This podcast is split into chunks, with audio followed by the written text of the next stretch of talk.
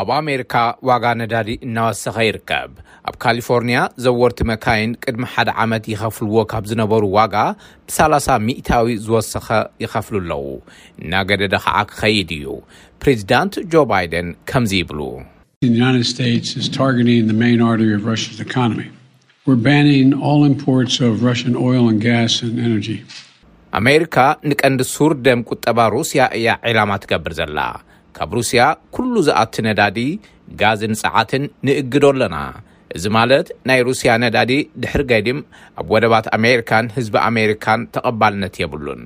እዚ ንናይ ፑቲን ናይ ኲናት መሳርሒ ሓያል ውቅዒት እዩ እያም ኢላ። ፕሪዚዳንት ባይደን ነቲ እገዳ ክእውጁ ከለው፣ ብሪታንያ ብወገና ካብ ሩስያ እተእትዎ ነዳዲ ኣብዚ ዓመት ከቋርጾ እየ ክትብል ገሊጻ ኣላ። ሕብረት ኣውሮፓ ብወገኑ ኣብዚ ዓመት ናይ ሩስያ ናይ ተፈጥሮ ጋዝ ብክልተ ሲሶ ክንቕንሶ ኢና ኢሉ ኣሎ። ተንተንቲ ግን ናይ ሞስኮ ናይ ጸዓት ኣታዊ ኣብ ሓጺር እዋን ብዝዓበየ ኣይጉዳእን ይብሉ።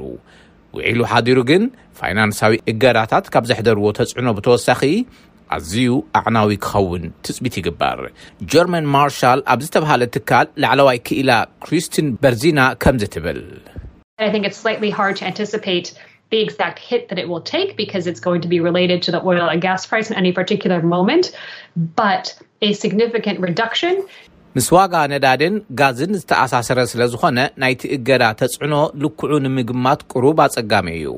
ኣብ ናይ ሩሲያ ነዳዲን ጋዝን ወይ ናይ እምኒ ከሰል መሸጣ ዝህሊ ኣገዳሲ ቅነሳ ግን ንናይ ሩሲያ ቁጠባ ዝጎድእ እዩ እያ ኢላ። ኣሜሪካ ካብ ሩሲያ እተእትዎ ቀረብ ፀዓት ሸሞንተ ሚእታዊ እንተኾነ እውን ሕብረት ኣውሮፓ ኣርብዓ ሚእታዊ ናይ ተፈጥሮ ጋዝን ዕስራን ሸውዓተን ሚእታዊ ነዳዲን ኣብ ሩሲያ ፅግዕተኛ እዩ።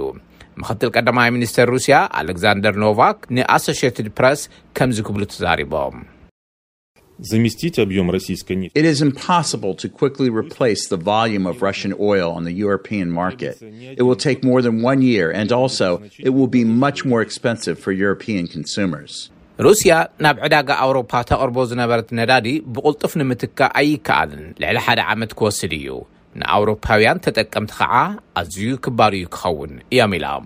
ካብ ክልቲኡ ዴሞክራቲን ሪፓብሊካውያንን ኣባላት ኮንግረስ ጽዑቕ ድፍኢት ምስ መጾም እዮም ባይደን ነቲ እገዳ ዘንበሩ። ካብ ናይ ኣሜሪካ ስትራቴጂያዊ ዕቋር 30 ሚልዮን በርሚል ነዳዲ ክቐርብ ኣዚዞም ኣለዉ። ሰበስልጣኖም ድማ ንናይ ሩስያ ነዳዲ ንምትካእ ምስ ቬነዝወላን ስዑዲ ዓረብን ይዘራረቡ ኣለዉ።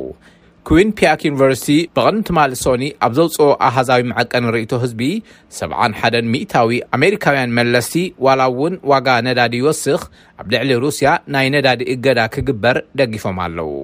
ነባሪት ሎስ ኣንጀለስ ዝኾነት ጃኩሊን ሰይንት ኣን ከምዚ ትብል። I would rather have high gas prices here than an authoritarian regime in the Ukraine. ኣብ ዩክረይን መላኺ ስርዓት ካብ ዝትከል ዋጋ ነዳዲ ክውስኽ እመርጽ እያ ኢላ። ኣብ ናይ ሩስያ ጸዓት ወይ ድማ ኢነርጂ ብሰንኪ ዝተነብረ እገዳን ዝቐጸለ ናይ ዩክረይን ቅልውላውን ኣብ ዓለም ዋጋ ነዳዲ ክንህር ገይሩ እዩ። ትማል ሰሉስ ዋጋ ሓደ በርሚል ነዳዲ ልዕሊ ሓደ ሚእትን ሰላሳን ክልተን ዶላር በጺሑ ኣሎ።